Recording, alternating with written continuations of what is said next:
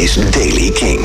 Nieuws over The Cure, Tool, Blur, The Rolling Stones, Yera on Air, Pete Doherty, The Foo Fighters, Kentucky Fried Chicken en nieuwe muziek van Tame Impala. Dit is de Daily King van maandag 1 april. Cure is opgenomen in de Rock and Roll Hall of Fame. Naast bijvoorbeeld ook Def Leppard en Radiohead. En uh, voordat de ceremonie begon, ging Robert Smith heel lekker. Uh, er is een heel korte clip op uh, het internet verschenen... die, nou ja, we kunnen gerust zeggen, viral is gegaan. Omdat hij een wel heel erg prachtig Brits antwoord had... op zo'n heerlijk enthousiaste Amerikaanse reporter. Hey, it's so nice to meet you. Hi. Congratulations, The Cure Rock and Roll Hall of Fame inductees 2019. Are you as excited as I am? Um, by the sounds of it, no. Na afloop van uh, de inductie en ook het optreden wat de Cure gaf... heeft Robert meer gedeeld over het nieuwe album dat er binnenkort uitkomt. Hij zegt dat het uh, fantastisch wordt. Ze hebben het opgenomen in de studio waar ook Bohemian Rhapsody is opgenomen. Nou, die kennen we allemaal na de film. Een geweldige plek in the middle of nowhere. We hebben drie weken lang muziek gespeeld. Het is geweldig. Ik weet iedereen het zal zeggen. Wauw, wat te gek. Um, het is niet echt festivalvriendelijk materiaal, waarschuwde hij. En het zou wel eens kunnen uitlopen op een drie-album uitgave. Het is heel donker en heel intens. Nummers zijn 10, 12 minuten lang.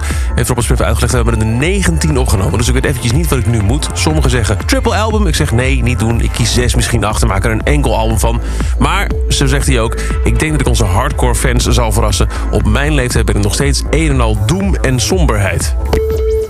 Een Amerikaanse Tool-fan heeft vorig jaar tevergeefs geprobeerd om zijn kenteken te vernoemen naar het album Anima. Dat mag in Amerika. Hè? Je mag daar vanity uh, plates mag je aanvragen. Dus dat, je zelf een tekst op je, op je kenteken zet. Maar dan moet je dus wel officieel aanvragen. Uh, de hele uh, archieven van vorig jaar zijn openbaar gekomen. De geweigerde aanvragen. En daar blijkt dat er een fan uit L.A. heel graag Anima op zijn uh, kentekenplaat wilde hebben. Vernoemd naar het tweede album van Tool uit 96. Maar helaas, een bureaucratische antwoord was uh, dat het uh, beledigend was voor de goede smaak en het fatsoen. Ook toen we gezegd, ja, maar het gaat over een Tool-album. Dat zal best, maar het klinkt als klisma, dus het mag niet.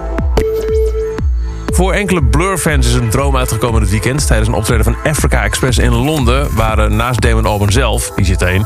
alle andere Blur-leden aanwezig... en ze brachten als Blur drie nummers ten gehore. FK Express, collectief van Damon Albarn... met artiesten van over de hele wereld, vooral Afrika. Maar het kwam wel eens een totale verrassing voor alle aanwezigen... dat Albarn de andere Blur-bandleden onstage uitnodigde... om Tender, Song 2 en Clover and Dover live te spelen. Dat laatste zelfs de allereerste keer ooit dat het live werd uitgevoerd. Het is al een poosje geleden dat Damon met het uh, Blur op het podium stond... Dat was uh, qua Benelux in 2013 voor het laatste Brok Werchter. Er zijn verhalen dat wellicht Blur volgend jaar weer wat samen gaat doen... maar dit was een aardig tussendoortje. De Stones hebben hun komende Noord-Amerikaanse tournee moeten uitstellen... wegens een medische ingreep die zanger Mick Jagger moet ondergaan. Doktoren hebben verzekerd dat de zanger er volledig bovenop zal komen en ook weer op kan treden. Maar wat er dan precies in de hand is, dat hebben ze niet uh, gezegd. Mick Jagger heeft op Twitter laten weten dat hij het vreselijk vindt zijn fans in de steek te moeten laten. En hevig teleurgesteld is dat hij de tournee moet uitstellen. Maar hij ook naar uitkijkt om zo snel mogelijk weer op het podium te staan.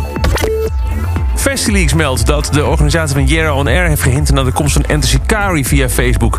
Ook zijn er een aantal namen al meteen bevestigd, zoals Bury Tomorrow, Shapes, Bleed From Within en Brutus.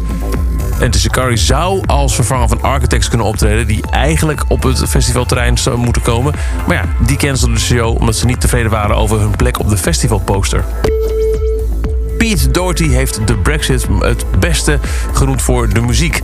Hij is eventjes bang ook wel voor alle verschijnselen die de Brexit met zich meebrengt. Maar in een interview met Channel 4 op de uh, Engelse televisie zei hij ook dat het voor de muziek het beste is wat er in jaren is gebeurd. I've got this horrible creeping. Yeah, I can feel I can it down when the fields start to turn black. Because of all the propaganda that we're getting fed about Brexit. I don't believe that, that, that this great British nation is capable of doing that to itself and destroying my band in the process because I'm the only British passport holder in the band. Do you think it's bad for music? No, it'd be the best thing in the world for, for music. You see, you'll get the most insane new, the new wave of the most uh, incredible. You know, it's like people who write. You write a poem in prison. You see the difference between writing a poem in prison and writing a poem in a cottage by a lake. You know, there will be an incredible Er zit een behoorlijk verschil tussen een gedicht geschreven in de gevangenis... of een prachtig hutje aan de rand van een meer. Kortom, Brexit is fantastische muziek, zegt Pete Doherty. Nou, als je in Zuid-Amerika woont, heb je mazzel. De Foo Fighters gaan daar op tour met Weezer en Tenacious D. Het eerste gezamenlijke optreden is ook wel op een festival. Ze staan met z'n drieën 28 september op Rock in Rio. Dan op 1 oktober doen ze met z'n drieën Bogota. En op 4 oktober doen ze, maar wel zonder Tenacious D... een optreden in San Jose, Costa Rica. Ultra Music Festival was afgelopen weekend in Miami met heel veel dance-grootheden. Maar heel veel van die dance-grootheden hebben ook boos gereageerd op een optreden van Colonel Sanders van Kentucky Fried Chicken. Voorafgaand aan een set van Chester Marshmallow kwam er een, ja, toch een anonieme DJ met een groot hoofd van Colonel Sanders op op het podium om een set te geven vol met kippengeluiden en um, finger-licking good-achtige referenties. De menigte was totaal ongeïnteresseerd. Toen de drop viel, was dat ook het enige wat viel. Want iedereen bleef gewoon staan kijken van wat is dit? Het slot was opgekocht door Kentucky Fried Chicken als reclamestunt... maar het blijkt behoorlijk averechts te werken. Marshmallow noemde het via uh, Twitter lame. Heeft die tweet ook wel weer verwijderd.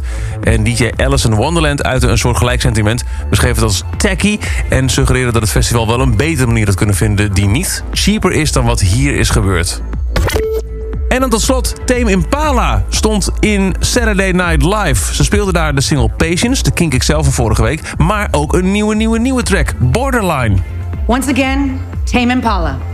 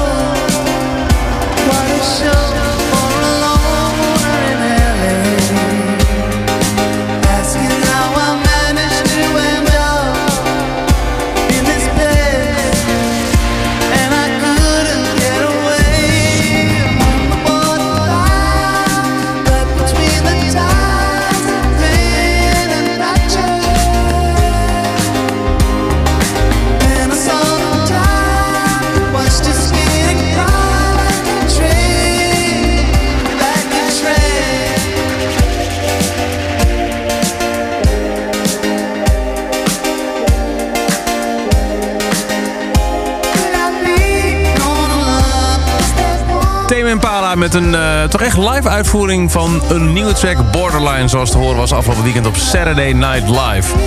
Het is over deze editie van The Daily Kink. Elke dag in een paar minuten helemaal bij met het laatste muzieknieuws en nieuwe releases. Niks missen, dan check je dag in dag uit via Deezer, Spotify, je favoriete podcast app of kink.nl, The Daily Kink.